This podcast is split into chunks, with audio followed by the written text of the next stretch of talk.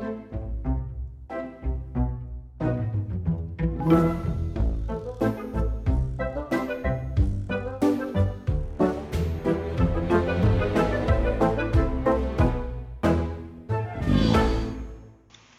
en welkom bij Het is wat het was, een podcast die draait rond cultuurhistorische verhalen, anekdotes en feitjes die proberen verklaren waarom dingen vandaag zo zijn en misschien ook wel waren. Mijn naam is Maaike en met verlaagde audiokwaliteit via de webcam zitten bij mij Claire Eline, het soort vrouw waarvoor menig man zijn grand tour zou stopzetten. En Mark, het exportproduct uit de Denderstreek, waarvan de luisteraar hetzelfde denkt als over Eddy de Meij. Ben je daar nu weer, man? Oh. Sorry.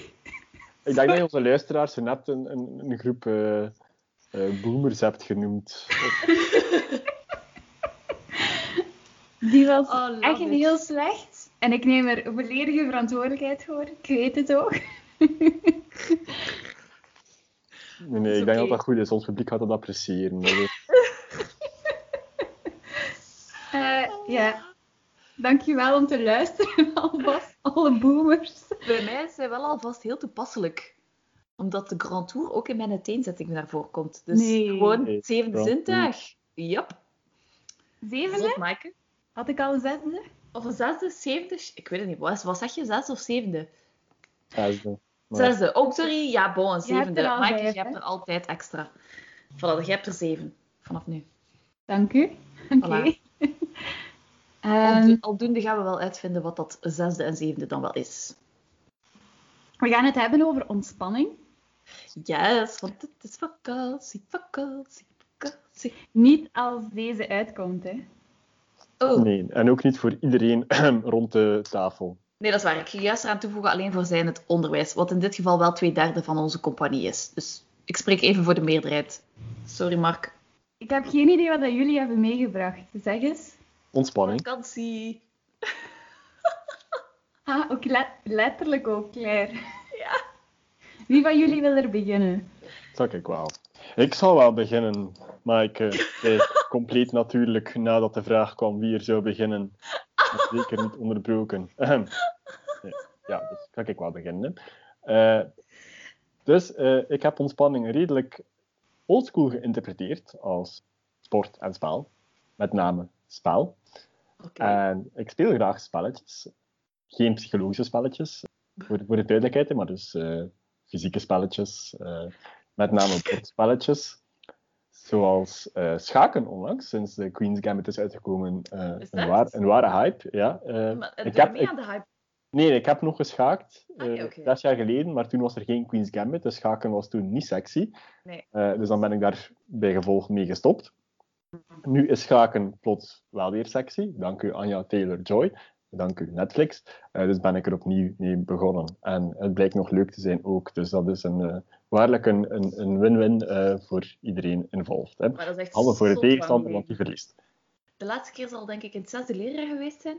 Want toen vond mijn leerkracht het een heel goede regeling dat als het regende buiten, dat we sowieso, eigenlijk moesten we altijd naar buiten. En de enige reden waarom we binnen mochten blijven, was als we gingen schaken. Alleen dan Wauw. we binnen blijven. Ja. Dus ik heb toen vrij veel geschaakt. Ja, mijn keuze zou ook snel gemaakt zijn. Bon, bij deze een uitdaging. Hè. We gaan eh, binnenkort eens schaken. Oei, oei, oei, oei. Eh, nee, maar ik ga dus eh, zoals graag eens eh, terug in de tijd. Ik vind dat wel tof. Hè? Dat is eh, mijn hobby, mijn passie, de reden waarom ik hier uiteindelijk zit. Naar een tijd toen er van schaken nog geen sprake was. Ook nog niet van de, de voorlopers van schaken, zoals eh Chaturanga. Eh, ja, dus de voorloper van, van schaken is Chaturanga. Het is een, eh, een Indisch spel, als ik me niet vergis. Het lijkt er heel hard op, alleen eh, be- bewegen bepaalde stukken anders dan bij schaken het geval is. De loper kan maar twee zetten doen in Ja? diagonale en hij kan springen. Oh, wow. Hij moet zelf springen, in tegenstelling tot de gewone loper. En de koningin is heel zwak. Maar bon, hè, dus een compleet andere manier van spelen, maar het, het lijkt er visueel heel hard op. Maar ik dacht, dat is te obvious. Hè. De Queen's Gambit schaken, wat is de voorloper van schaken? Ongetwijfeld hebben tientallen andere concurrerende podcasts het eh, er al over gehad. We weten ook niet, misschien zijn er geen tientallen andere concurrerende podcasts. Nog oudere bordspelletjes, of laten we zeggen de oudste bordspelletjes. En dan hebben we eigenlijk uh, drie kandidaten, grofweg, die herkenbaar zijn, of die een, een zekere uh, bekendheid genieten. Die teruggaan tot, uh, laten we zeggen, 5000 jaar geleden. Dus 3000 voor Christus, sommigen misschien nog net iets vroeger. Twee ervan zijn bijzonder interessant. Dat is enerzijds het, het koninklijk spel van Oer, van de Sumerische tijd. En anderzijds het oud-Egyptische spel Senet.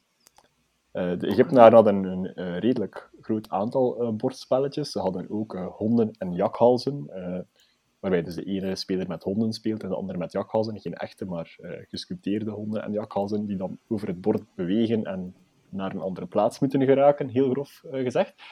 maar bon, dus Senet in het oudste Egyptische bordspel. Het oudste Sumerische bordspel is wellicht het koninklijk spel van Oer. En het derde spel is wellicht backgammon. Maar van een heel oud spel. Go, het Chinese spel, is ook heel oud. Dus is ook ergens in die contrain situeren. Maar dus backgammon zou volgens sommige theorieën een afstammeling zijn van het spel van Oer. Okay. Dus dat is niet helemaal duidelijk of dat naast elkaar bestond of dat het spel van Oer geëvolueerd is in het spel backgammon. Dus backgammon gaan we ook even erbuiten laten. Ik ken het spel trouwens niet, ik kan de regels niet. En wat het vandaag nog gespeeld wordt, vind ik het ook per definitie minder interessant. Maar het is het spel van Oer en Senet. Uh, het spel van Oer is genoemd naar de koningsgraven van Oer. Die werden opgegraven door Sir Leonard Woolley, uh, Engels archeoloog. Yep. Uh, die heeft daar een aantal grote massagraven gevonden, die duidelijk aan mensen hebben toegehoord van hogere status, zeg maar koninklijk. Ik zeg massagraven omdat er buiten de koning en de koningin, of allee, de leiders, de priesteressen, machtige mensen, die doden kregen heel veel objecten mee, waaronder muziekinstrumenten, is ook heel ontspannend. Maar er is ook een, een, een prachtig blauw bordspel. Uh, het Koninklijk Spel van Oer, dus, uh, zo bleek achteraf. Het bestaat eigenlijk uit twintig vakjes en, en, en pionnetjes en een soort dobbelsteenachtige steentjes die je omhoog kan smijten. En de bedoeling is, dus het zijn twee spelers die elk pion hebben, dat ze met hun pionnen van de ene kant naar de andere geraken. De ene ervan, zeer interessant, is zelfs gevonden op de muren van een Assyrisch paleis. Dus iemand had daar een graffiti het, uh, het spelbord in de typerende vorm van het spel van Oer in gekerfd. Uh, om het dus, uh, ja, zoals ook zo wellicht, te spelen met een andere toevallige paleisbewoner. vermoedelijk niet de koning zelf, die zal wel een fysiek exemplaar gehad hebben, maar wel. Maar het werd dus ook in, in allerlei in de onderste lagen van de maatschappij gespeeld. Het was een zeer populair spel. En het begon echt als ons pure ontspanning, maar na verloop van tijd begon dat toch een meer uh, rituele religieuze connotatie te krijgen. En dat vind ik interessant, omdat in Egypte met het spel Senet is eigenlijk exact hetzelfde. Het spel Senet is ook een spel met vakjes en pionnetjes die van de ene naar de andere kant moeten geraken. Uh, bij Senet uh, symboliseert dat de overstap van de wereld van de levenden naar de wereld van de doden. maar dus Senet, voor Egyptenaren, alles had met de dood en het hiernamaals te maken, quasi. Senet speelt daar ook een belangrijke rol in. Dat is de bedoeling van de pionnetjes was om van het ene kant van het van het bestaan naar het andere, naar de andere. Dat was veel meer religieus beladen. Heel serieus. CNET, zeer belangrijk spel. Je kan het ook vandaag nog kopen. De regels zijn niet 100% uh, duidelijk, maar er zijn hypotheses, verschillende vormen. Vrij basic spel, leuke regels.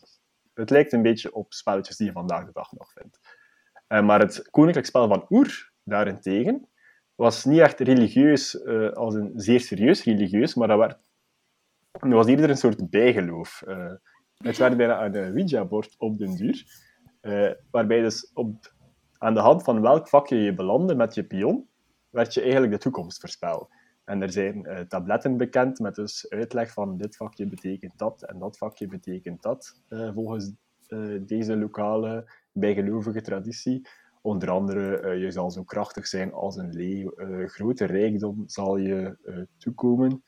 doorgaans positieve voorspellingen, wellicht omdat dat toch het, het, het, spelen van het spel bevorderde. Als, als je een spel speelt, speelt dat, je zegt dat je constant gaat sterven, of dat, dat je arm zal blijven. De meeste mensen zijn arm, dus arm worden is niet zo'n straf, maar dat je arm zal blijven, dan ga je dat spel niet zo graag spelen. Hè. Dat, is, dat, dat, dat was echt zo een, een bijgelovig, feel-good spelmomentje. Hè. Als je een beetje hoop nodig had, dan speel je het spel van Oer.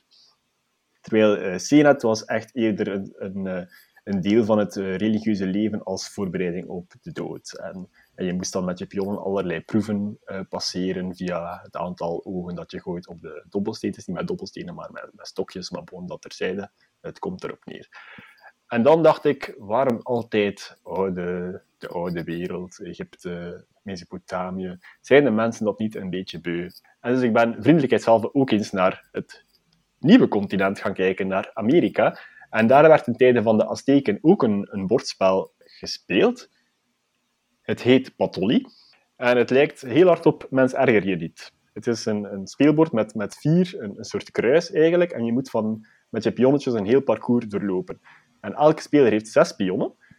En heel interessant vond ik dat uh, dit spel was niet enkel puur ter ontspanning, maar het was ook niet religieus. Het was eigenlijk een spel dat heel vaak gespeeld werd om, om, uh, om eigenlijk je hele hebben en houden te vergokken tegen dat van een ander. Uh, dus elke speler had zes pionnen. En de traditie was dat je, als je speelde tegen iemand, dat je voor elk van die pionnen een bezitting inzette. En dus op het einde van het spel ging één iemand dan gaan lopen met de zes bezittingen van de andere.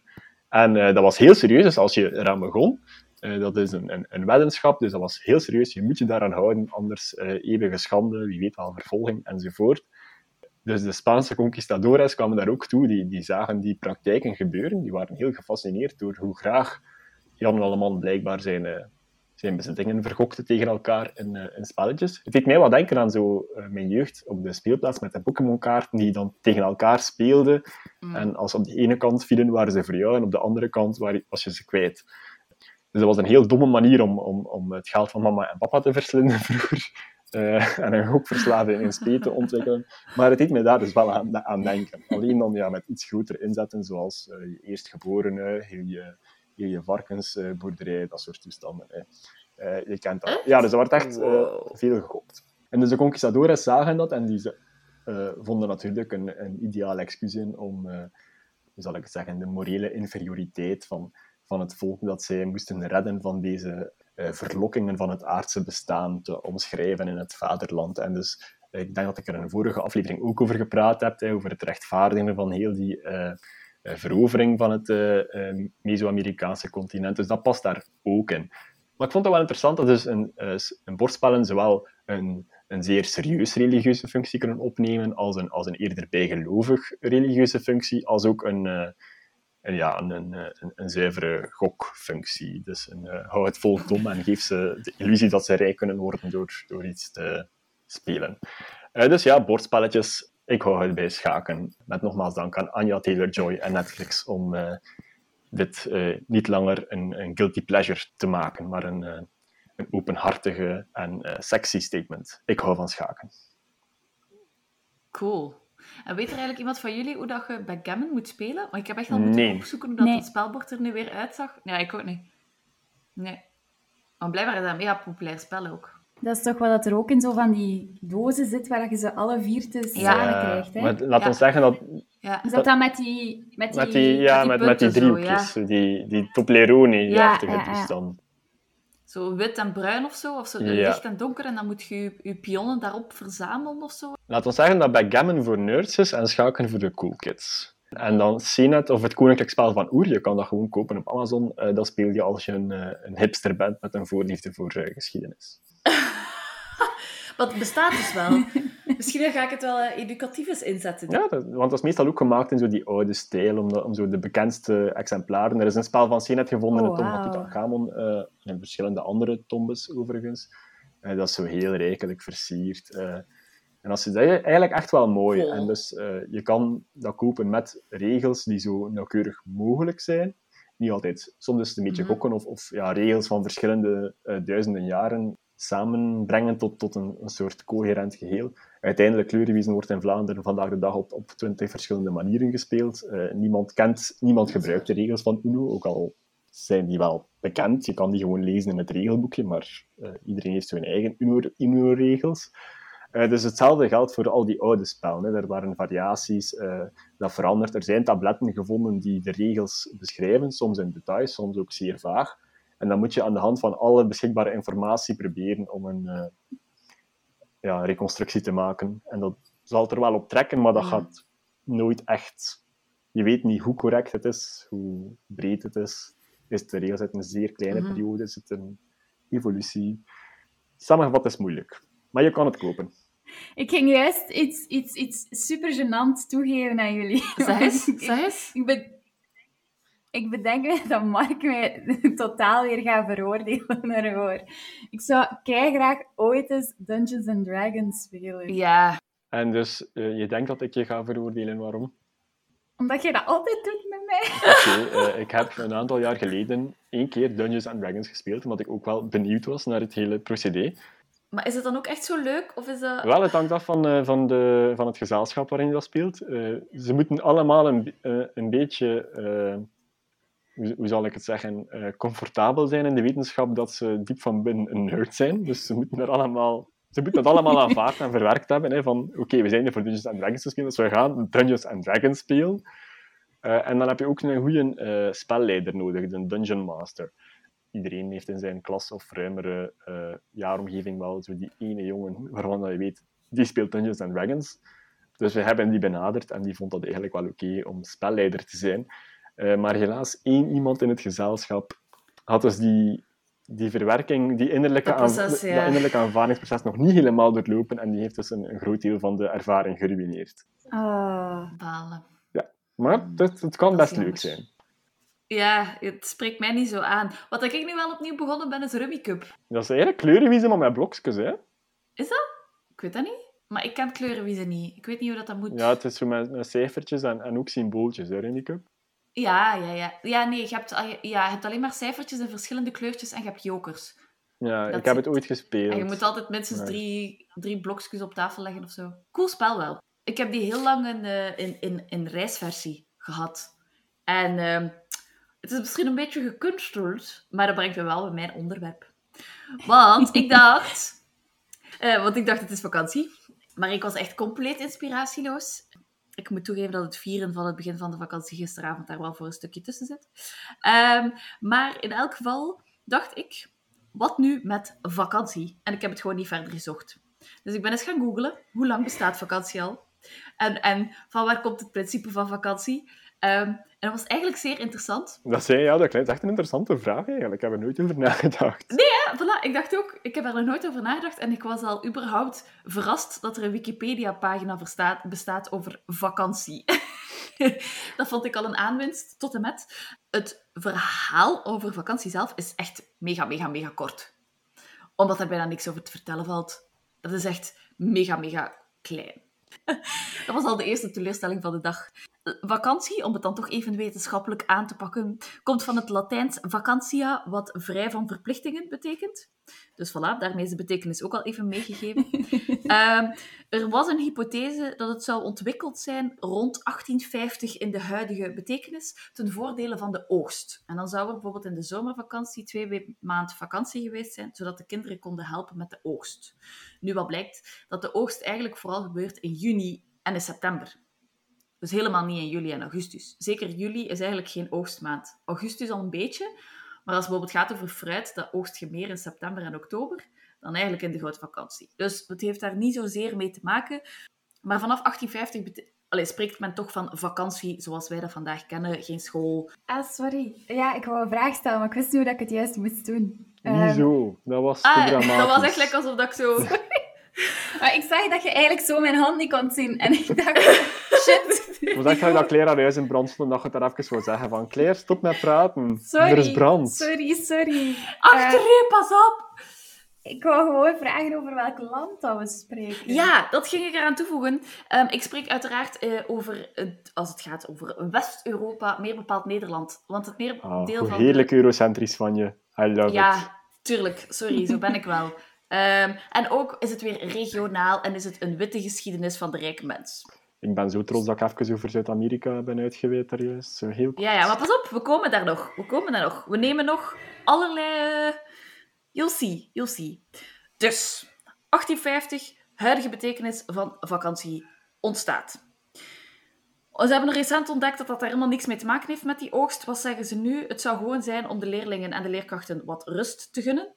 Het zou gaan over omdat de lokalen te warm zijn in de zomer. Maar dan gaat het vooral over de, Amerika de Amerikaanse staten in het zuiden, waar dat het echt wel heel warm kan zijn. En dan kwamen kinderen gewoon niet naar school. Dus hebben ze gewoon beslist, we doen even alles toe. Bij ons is dat trouwens ook. Hè. Als het te warm of te koud is, dan moet je in principe niet naar school. Maar ja, nu met die corona en elke, alle ramen moeten openstaan van het lokaal, is er van kou niet echt sprake. Hè? Maar ik denk dat het effectief dan gaat over, daar, daar staat een getal op ook, hè? dat het echt als het meer dan 30 graden is in het lokaal. Ja, zoiets. Al meer dan 30 graden. en ook als het uh, onder, als zo rond het vriespunt is of zo, of rond tot 15, nee, 10 graden in de klas of zoiets. I don't know, precies. En waar komt er dan nog een invloed? Dat zijn de vakbonden. De vakbonden hebben keihard gestreden om eigenlijk vakanties te krijgen voor zowel werknemers als voor ja, leerlingen, zou je kunnen zeggen. U, vakbond. Ja, ja, dank u, dank u. Dus dat is vakantie aan zich. Nu, wat doe je in zo'n vakantie? Helaas mag dat niet, door corona. Is op reis gaan. En ik had er net gezegd, hè, dat de, de intro van Maaike komt erin voor. Dat is omdat ik straks nog ga hebben over de Grand Tour. Maar dus op reis gaan mag niet in deze tijden. Maar de meeste mensen doen dat wel. Als die op vakantie gaan, of die hebben vakantie, dan gaan die meestal echt ergens naartoe.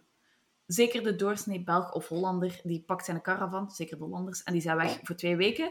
En die keren terug en die zijn content, want die zijn op vakantie gegaan. Sorry aan Nederland. Sorry aan Nederland.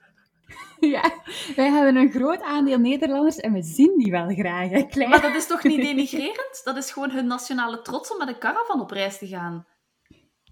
Ik, denk dat we hier een bepaalde laag Nederlanders aan het viseren zijn. Ik vind dat niet erg. Ik, heb ik denk dat ze eerder trots zijn op hun Olympische medailles of, of op een uh, nationale verwezenlijkingen. Ook? Of, uh... Maar als je het percentage van mensen op een camping, een doorsnee camping ergens bekijkt, dan zitten daar heel veel Nederlandse caravans tussen.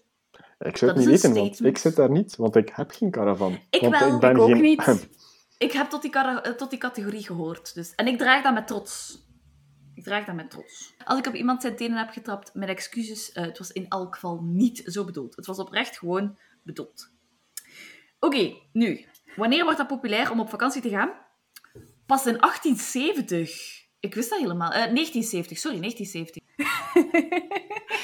Jeetje, dit is hier al goed begonnen. Claire, het zit 100 jaar tussen. Wil je, wil je, een, wil je een tweede take? Of? Vandaar jullie gezichten. Ah, oh, love it. Nee, ik bedoel dus 90... Allee, 1970, echt een waarheid, mat. Vanaf 1970 wordt het wereldwijd populair om op vakantie te gaan of om te reizen, zoals ze zeggen. In die periode is het echter minder dan de helft van de Belgische en Nederlandse bevolking die op reis gaat. En dat wordt eigenlijk zodanig populair totdat dat in 2015 meer dan 80% is. Dus eigenlijk op een paar jaar tijd is de hoeveelheid mensen die echt op vakantie gaat heel hard uh, ja, gestegen. Dit jaar is de staycation heel populair, dus dat is dan weer het tegenovergestelde. Dat is dan weer een vakantie in eigen land. Maar dat was voor 1970 zo de basis. Als je op reis ging, dan ging je hoogstens ook keer naar een badplaats ergens aan de zee, naar Oostende of naar Blankenberge, zo u wilt. En dan ging je gewoon terug naar huis en dat was het. Nu, het principe van, van reizen, van op vakantie gaan, is eigenlijk al mega oud. Eh, in Rome deden ze dat ook al veel vroeger dan dat. Maar daarvoor moet ik ook een beetje richting Mark kijken. Ik heb gevonden dat het vooral gebeurde reizen op momenten dat er vrede was. En dat dat daarom zo populair was in het Romeinse Rijk. Omdat er dan eigenlijk een wereld, eigenlijk een heel groot rijk was, waar dat relatieve vrede bestond. Waardoor dat er een mogelijkheid was om een soort van plezierreizen. Ja, als het gaat over plezierreizen wel, hè, want bijvoorbeeld migraties is natuurlijk ja, nee, nee, nee, totaal anders. Of, of diplomatieke reizen, hè, en, een zakenreisje naar Egypte om de vrede te bespreken of zo. Dus dat wel, maar plezierreizen is, is inderdaad zo Grieks-Romeins. Ja, ja. oké, dan heb ik dat toch juist. Ah, voilà. Herodotus, hè, de, de, de, de eerste reiziger die een heel verslag schreef van, van gesprekken die hij op reis... Uh... Ja, klopt, klopt. En ze schreven blijkbaar zelfs reisboeken. Nu, als ik dat las, dan was dat vaak zo een reisboek in verschillende edities en uh, verschillende delen. Dus het was niet echt zo een, een trotter die je meepakt op reis, want die was niet zwaar. Maar blijkbaar deden ze dat wel zo met, oké, dit is de tip, dat moet je daar gaan bekijken, enzovoort. En ze, ze richten zelfs herbergen op, wat ik ook wel leuk vind. En reisbegeleiders. Ja, je hebt zo middeleeuwse kaarten van Rome ook met de trekpleisters op aangeduid van uh, ja. Pantheon hier, Colosseum daar, uh, die kerk daar. Allemaal totaal onbruikbaar om je weg te vinden in Rome, maar ze bestaan wel. wel, want dat brengt ons dan bij de middeleeuwen. Daar gaat er vooral weinig plezierreizen gedaan worden, omdat iedereen zich eigenlijk heel lokaal gebruikt, uh, allee, heel lokaal blijft Omdat het overal onderweg eigenlijk niet zo veilig was. Je hebt onder andere de, de plunderaars uit het noorden, de, de, de vikingen, maar ook andere volkeren die eigenlijk rooftochten houden. Dus als je op reis waart, dan had je vaak zo een potje geld mee, want wij doen dat nu met onze kaart, maar vroeger was dat niet zo. Dus als je op reis ging, dan pakte, pakte je letterlijk je fortuin bijna mee in een kistje. Ja, mensen weten dat ook, hè? dus die werden regelmatig overvallen. Wel, wat gebeurt er wel? Mensen die eigenlijk uh, handel gebruiken om te reizen en daar een soort plezierreis aan koppelen. En Marco Polo is daar een supergroot voorbeeld van. Dat is wat de bekendste middeleeuwse reiziger die een gigantisch boek heeft gemaakt over zijn reizen. Hij is 24 jaar op reis geweest naar het oosten. Onder andere via de zijderoute. En die heeft daar heel veel volkeren ontmoet. En dan, dan schreef, hij schrijft daar ook echt zo'n reisgids over. Maar die was dus half handelaar, half reiziger. En je moest al van, van een rijk komaf zijn om dat eigenlijk te kunnen betalen, maar je kunt niet werken. Vandaag bestaan er zo van die formules dat je onderweg even werkt en dat je daar dan kost en inwoon voor krijgt en een heel klein loon, zodat je dan verder kunt reizen en zo. Ja, of je post een fotootje op Instagram en je krijgt miljoenen likes en, ja, dat en, ook. en voilà. Ja, maar ja, in de middeleeuwen is dat dan toch even een fotootje posten. Dat is drie dagen stilstaan voor een schilder en dan nog hopen dat het toekomt bij degene bij wie dat je het bedoelt. Dat is toch wel een beetje een beetje extra veel moeite. En dat de lokale drankproducenten nog voor willen betalen ook. ja, en wel, voilà. Dan moet je al vrij veel geluk hebben. um, wie ging er nog op reis in de middeleeuwen? Dat zijn de pelgrims.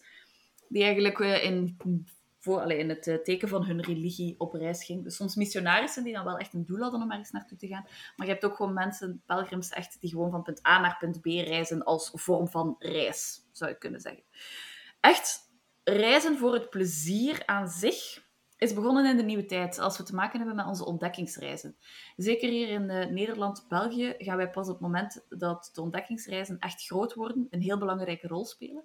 Um, zeker Nederland met zijn VOC en WIC, dus de Verenigde Oost-Indische Compagnie en de West-Indische Compagnie, die gaan eigenlijk echt bijna reisexpedities organiseren. Die gaan zelfs zodanige boten ontwikkelen dat er een verschillend compartiment is voor reizigers en voor de staf en voor de bemanning. Nu, die reizen waren wel zelden dat je heen ging en terug. Meestal was het een enkeltje. En dan waren er bijvoorbeeld rijke burgers hier, die hier op zich niet zoveel geld konden vergaren, die dan een enkeltje kochten naar de nieuwe wereld, dus naar Amerika, om dan daar ergens een, een hele ja, mansion op te bouwen en daar heel veel geld aan te gaan verdienen eigenlijk. Dus dat is nog niet zo de pleziercruise van ik ga eens heen en terug, want je zit ook super lang op zo'n boot. Dus mega slecht eten, Pas op, als je van goede klasse werd, dan namen ze zo varkens en kippen mee die ze dan letterlijk op de boot slachten. Dus dat was dan vers vlees. Maar ja, die bemanning had dan amper, allee, had amper deftig eten, dus die hadden scheurbuiken. Dat is ook allemaal lekker besmettelijk en zo. Dus echt, echt, echt leuk was het niet. Nu, men gaat soms wel verslagen maken van die reizen, ten voordele om eigenlijk die reizen te promoten. Zo.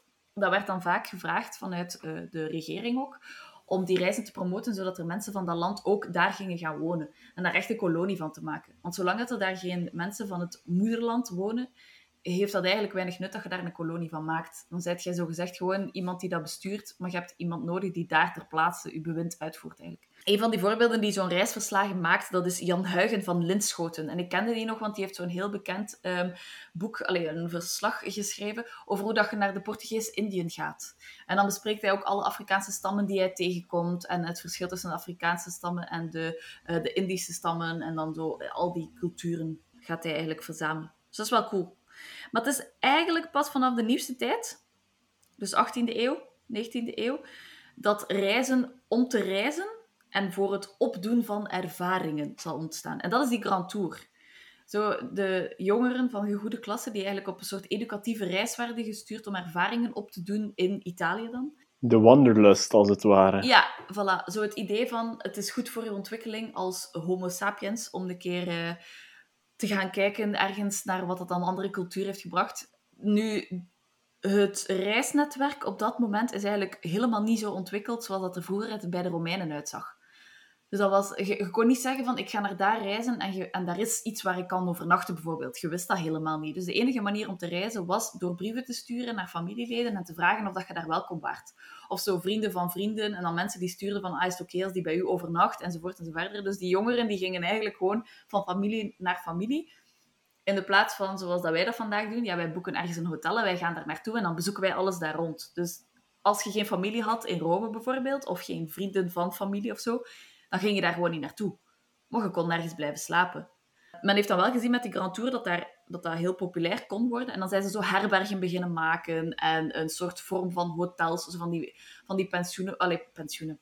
Pensions, allee, hoe, hoe, hoe zeg je dat? In een, een pension? Pension. Ja, pensioen. Ja, voilà.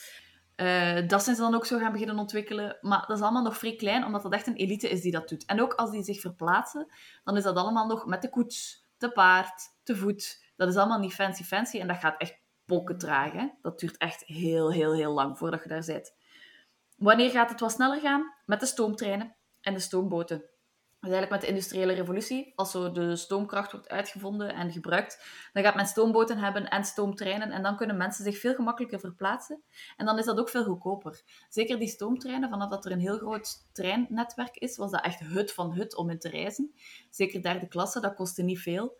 Ehm, en dan kon je gemakkelijk van punt A naar punt B. Maar dat is niet dat wij, van, gelijk dat wij vandaag zeggen, uh, je koopt zo een, een Euro Rail Pass of zoiets, waarbij dat je in heel Europa kunt reizen met de trein.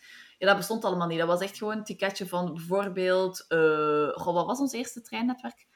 Van Luik naar... Mechelen-Brussel, denk ik. Mechelen-Brussel of zoiets. Dat was dat bijvoorbeeld zo'n afstand. Of dan was dat bijvoorbeeld een enkeltje naar de zee. Mensen die normaal gezien niet op Ook rijafstand... Nee, voilà. Mensen die uh, normaal gezien op, uh, met de koets naar de zee gingen, die blijven naar de zee gaan. Maar mensen die eigenlijk verder wonen en geen koets hadden, die geraakten daar nooit.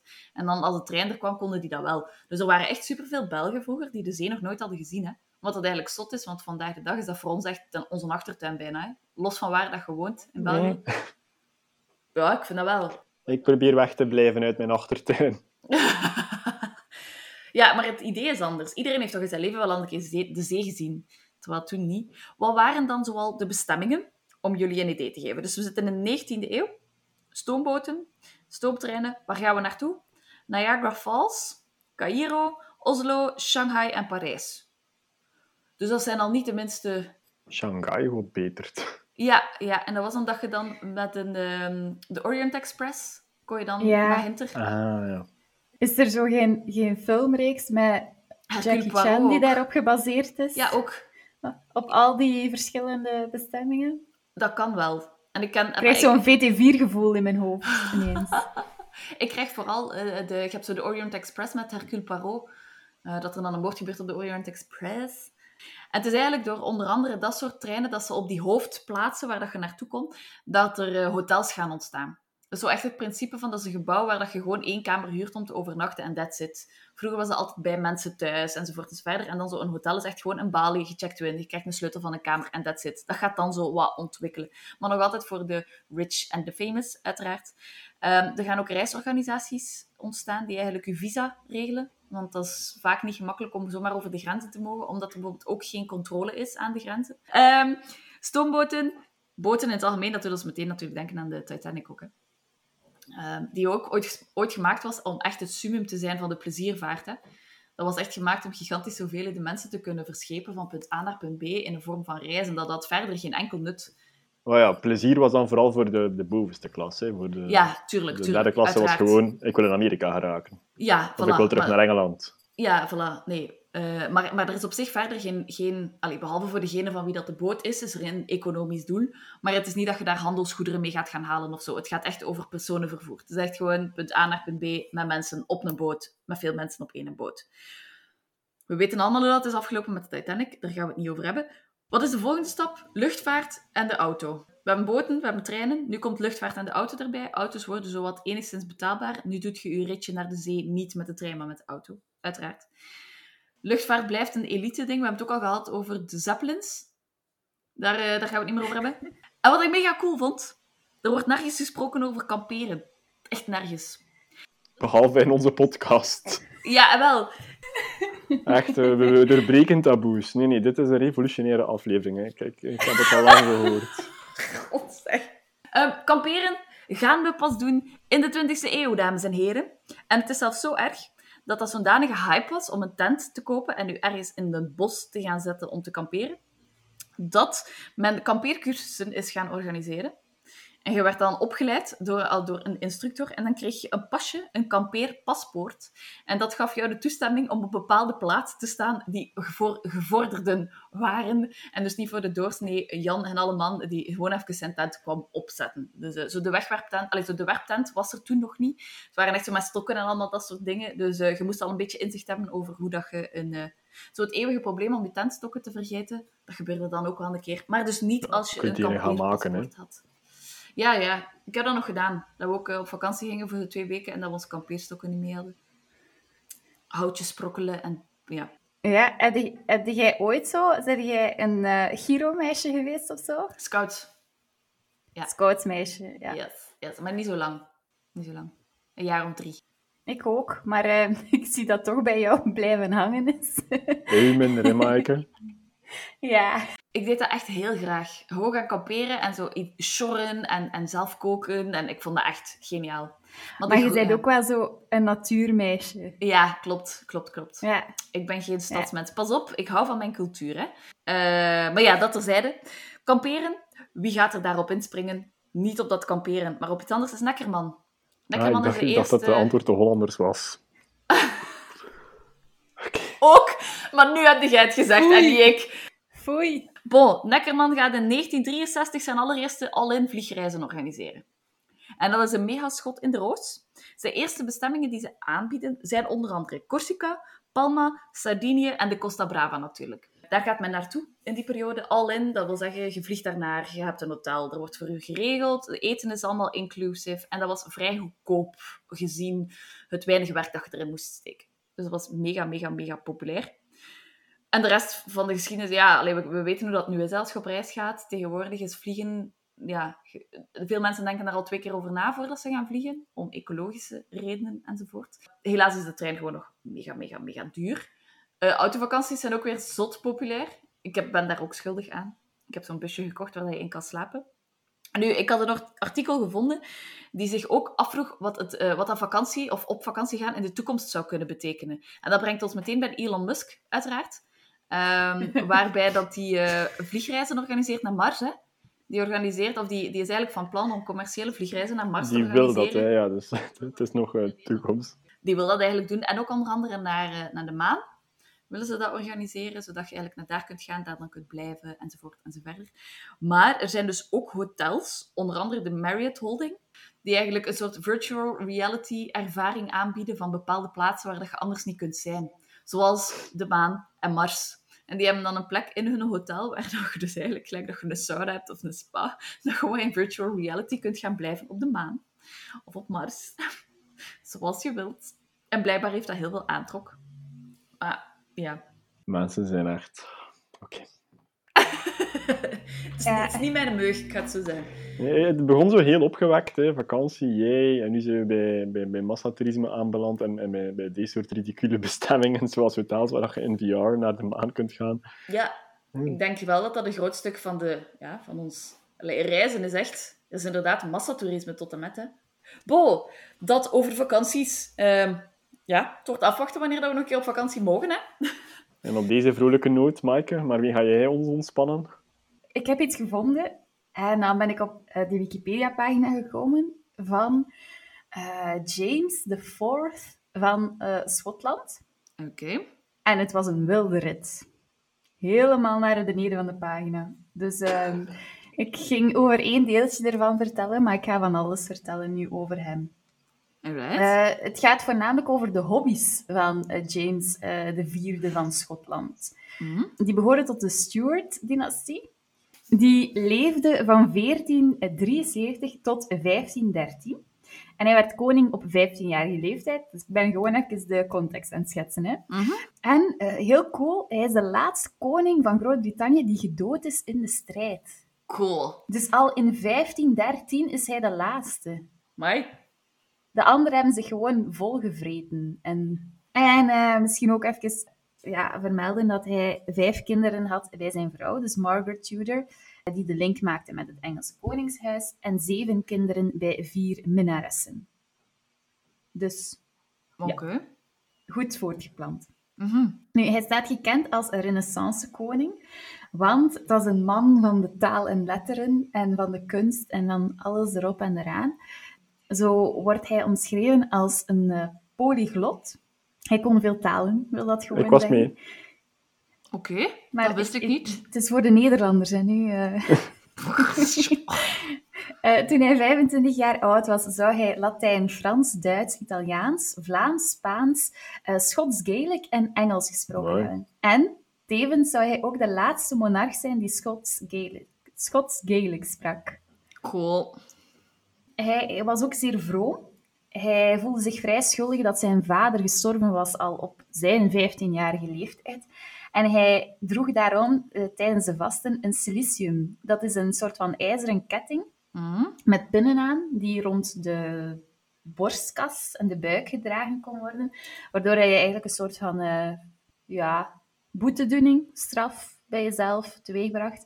En elk jaar maakte hij die een beetje zwaarder, zodat de pinnen steviger in zijn huid prikten. Dus zeer vroom man. Verder had hij op het kasteel een alchemist in dienst, die dus onedele metalen in goud moest veranderen. Uh, die man die heette John Damien, die deed aan vliegexperimenten naast alchemie. Zo dacht hij dat hij, als hij op het dak van het kasteel ging gaan staan, dat hij naar Frankrijk zou kunnen vliegen, met een soort van constructie die hij gemaakt had. Um, hij heeft dat ook één keer geprobeerd. Mogen we weten hoe oud die mens geworden is? hij is uh, niet, niet gestorven uh, toen, want hij is in een mesthoop beland. Oké. Het is ook niet slecht, maar... Ik denk dat hij wel iets gebroken had. Maar um, ja... Behalve zijn reputatie en zijn eergevoel voor de rest van zijn leven. Amma. Uh, ja, maar toch, uh, balzie om uh, te denken dat je van Schotland naar Frankrijk gaat vliegen. Het deed mij denken aan Kulder Zipken. Er is daar ook zo'n aflevering in waarin dat... Ja, die twee, uh, Borgmans ja. en Lucas van den Einde ook gaan vliegen, denk ik, met zo'n Ja. soort ding. Nu, wel, wel zot dat hij zoveel jaren daarvoor, zoveel jaren voor dat vliegen effectief kon, en dat die andere kerel daar van de Eiffeltoren gesprongen is met zo'n constructie, dat hij dat al probeert natuurlijk, die John Damien. Uh, er is ook vrij veel culturele uitwisseling aan het Hof. Uh, ik ben een, beginnen kijken naar Bridgerton. Oeh ja, ik heb hem al uitgekeken. Ik heb toegegeven. Ja. Um, Ik ook. ik vind het vrij moeilijk, omdat het niet expliciet... Ik vind het is eigenlijk een romcom, het is niet historisch. Nee. Maar dat wordt, zo niet, dat wordt niet expliciet gezegd dat het niet historisch accuraat is. En dat is dan hetgene wat mij zo'n beetje stoort. Snap je? Yep. Zijn er mee? Ja. Maar goed, ehm, ja, ik ben nog aan, aan aflevering 5 of zo. Dus ehm, ik, ga, ja, ik zal mijn mening daarna wel bijstellen. In Bridgerton hebben ze echt ingezet op die, ehm, ja, die diversiteit en culturele spanningen bestaan daar eigenlijk niet. En dat wordt op een of andere manier ook in een aflevering uitgelegd. Het is een soort eh, alternatieve geschiedenis. Hè? Ja, maar Ja. wordt dat... Ja, ja, maar wordt dat in het begin van die, van die reeks uitgelegd? Nee, toch? Nee, nee, maar de Nee. makers eh, geven dat wel eh, toe. Hè. Dus dat, die, die, die zien dat gewoon niet als, als belangrijk. Die vinden dat gewoon niet belangrijk hoe dat, eh, of dat, dat historisch Ja, ja, is of niet. Dus ja, ja, ja, Ik vond dat wel een keer ja, ja. een verrijking, om eerlijk te zijn. ze willen gewoon een hedendaags verhaal vertellen, maar met zo de, de kleren van, van, van toen en, en de, Ja. de- Ja, de, de maar taaltje voor van mij- toen. Voor mij gaat het niet over de culturele diversiteit die erin aan bod komt, want dat vind ik... Allee, ja, bedoel... Allee, ja, het is, het is een fantasieverhaal, dus waarom zou dat niet kunnen?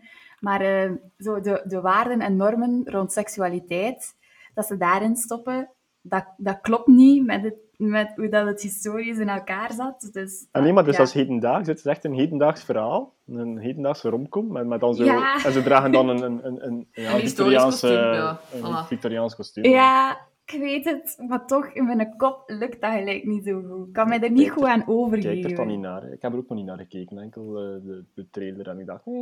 Ja, het is wel echt een rom. Maar, maar dat mag, ja. want ik, ik vond eh, Downton Abbey wel zeer goed. Maar Mm. dat ging dan ook over, over hoe was het leven in die tijd. En, en Ja, maar dat is effectief gewoon historisch ook dat is echt een, een Zo- kostuumdrama. hè. zo goed als correct. Hè. Ehm, ja, anyway. Anyway. Anyway, daar ging het niet over. Dus je had twee Afrikaanse vrouwen aan het hof van James IV. Ze heten Margaret en Helen Moore. Moore is vermoed ik een, uh, een verwijzing naar hun huidskleur. Uh, mm -hmm. Niet zozeer oh, naar uh, een typisch traditionele Engelse naam. Uh, er werden ook gedichten over die vrouwen geschreven. Een van hen, en ik denk dat het Helen zal zijn, was zelfs een prijs in een steekspel. Nu, ik heb wel zo een keer proberen bekijken en dat gedicht proberen lezen. Het lijkt mij dat het zowel racistisch als uh, seksistisch is. Want die vrouwen werden eigenlijk meer als curiositeit gezien dan iets anders. Uh, niet zozeer omdat ze een prijs was in een steekspel, want uh, zo ging het nu eenmaal. Maar uh, ja, er was echter een man die Peter de Moor wordt genoemd. Uh, in het Engels voornamelijk. Ja, maar het is exact hetzelfde in het Nederlands natuurlijk. En die man die werd betaald om reizen te maken. Er wordt uh, gezegd dat hij van Afrikaanse origine is, maar ik vermoed dat het hier meer over Noord-Afrikaans gaat. Er wordt over hem verteld dat hij well accepted was aan het hof. Dus misschien gaat het daar toch meer over ja, seksisme en racisme bij de vrouwen. Um, ja, een beetje gemengd. Nu, waar ik eigenlijk al de hele tijd naartoe wou. James IV die hield ook van taalexperimenten. Zo zou hij op het eiland Inchkeith, dat een, um, een heel klein eiland is dat voor de kust van Edinburgh ligt, een uh, taalexperiment willen opgezet hebben. Maar daar zal wel een belletje rinkelen bij jullie, want dat is al een aantal keer gebeurd in de geschiedenis. Dat eiland werd daarvoor gebruikt, juist daarvoor werd dat gebruikt om zieken in quarantaine te steken die ze... Ja, een ziekte die de Grand Gore heette. En wij kennen dat gewoon als syfilis. Mm. Nu had men blijkbaar nog niet echt door waardoor syfilis kwam. Want ja, anders ga je geen mensen gewoon zomaar in quarantaine steken. Maar in 1493 had hij uh, verordend dat er twee baby's bij een doofstomme vrouw moesten achtergelaten worden op het eiland. En de vraag was dan, welke taal zouden zij ontwikkelen als zij enkel opgevoed worden door een vrouw die nog spreekt, nog hoort? Want de, het idee daarachter was dat als zij een taal ontwikkelen, dat dat dan de taal van God zou moeten zijn. Dus de pure taal die God bedoelt. Door tegen elkaar te, te, wow. te brabbelen. Oké. Okay. Ja. Nu, um, dat is al eerder geprobeerd in de geschiedenis.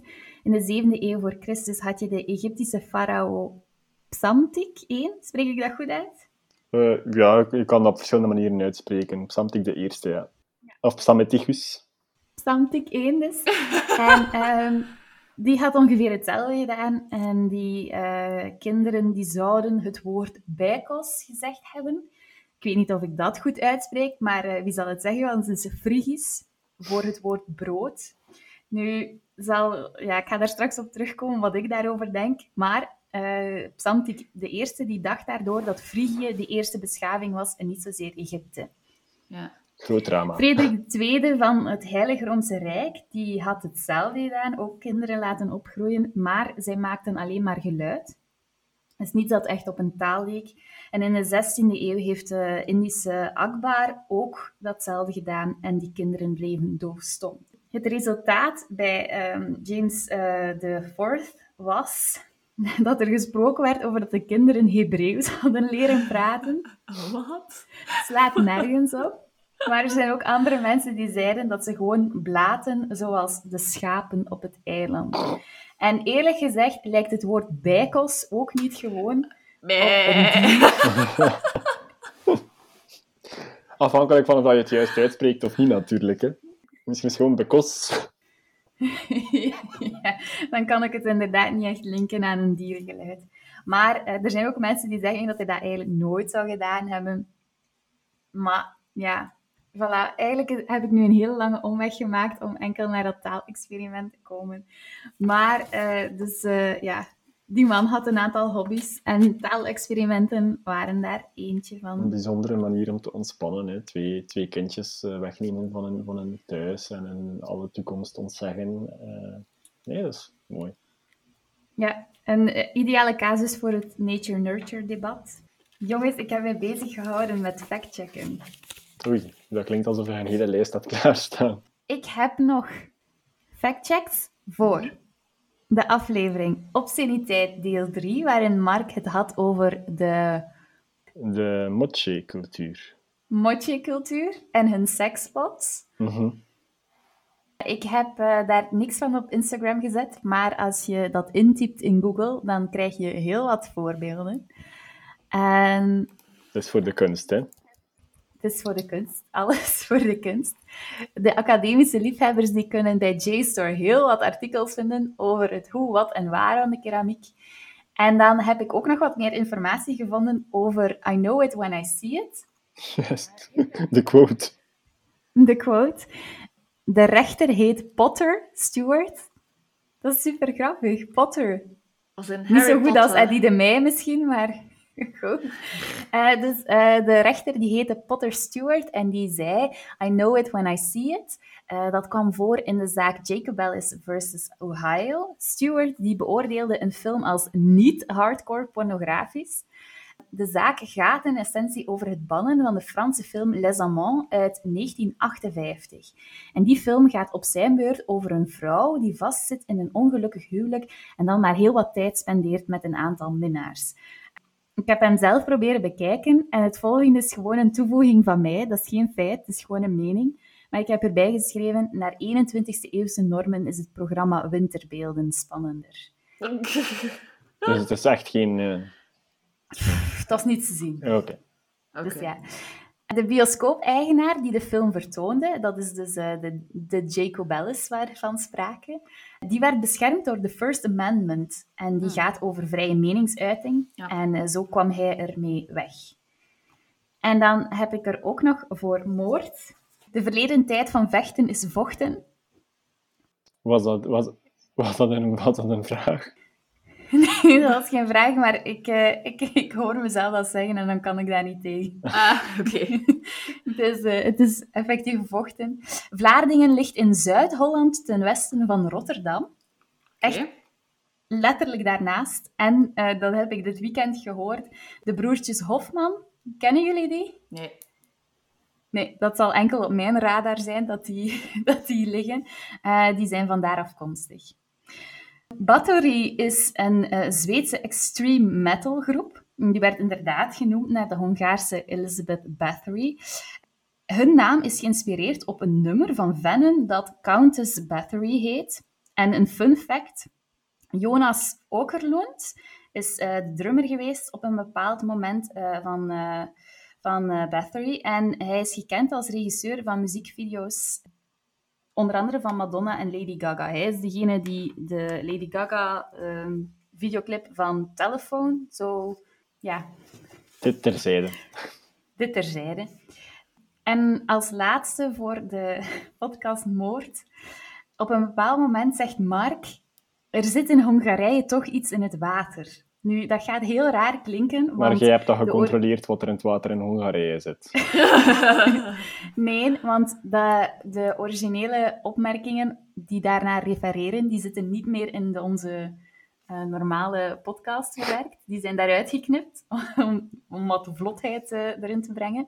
Maar uh, um, dat is dus geen xenofobe uitspraak van Mark. hij refereert gewoon aan Andras Pandi, een Belgisch seriemoordenaar met Hongaarse roots. Just. Moest ik even Ik ben geen racist. Een paar van mijn beste vrienden zijn buitenlanders, niet, niet echt. Ja, omdat we vandaag toch wel vrij specifiek over Nederlanders bezig geweest zijn, dacht ik, we kunnen met de Hongaren misschien die nog even te vriend houden. Voor die dan hier, okay. als het ware. Oké. Okay, um, mag ik? Ja. Dat was de podcast voor deze week. Volg ons op Facebook of Instagram bij de Het Is Wat Het Was pagina's. Abonneer via Spotify, Apple of Google Podcasts. En dan verlaten we jullie met een quote van Vlaams schrijver Herman Brusselmans. Als jij thuis bent, is thuisblijven mijn hobby. Oh. Dankjewel om te luisteren. Bye bye. Ciao. Oh, nou, ciao.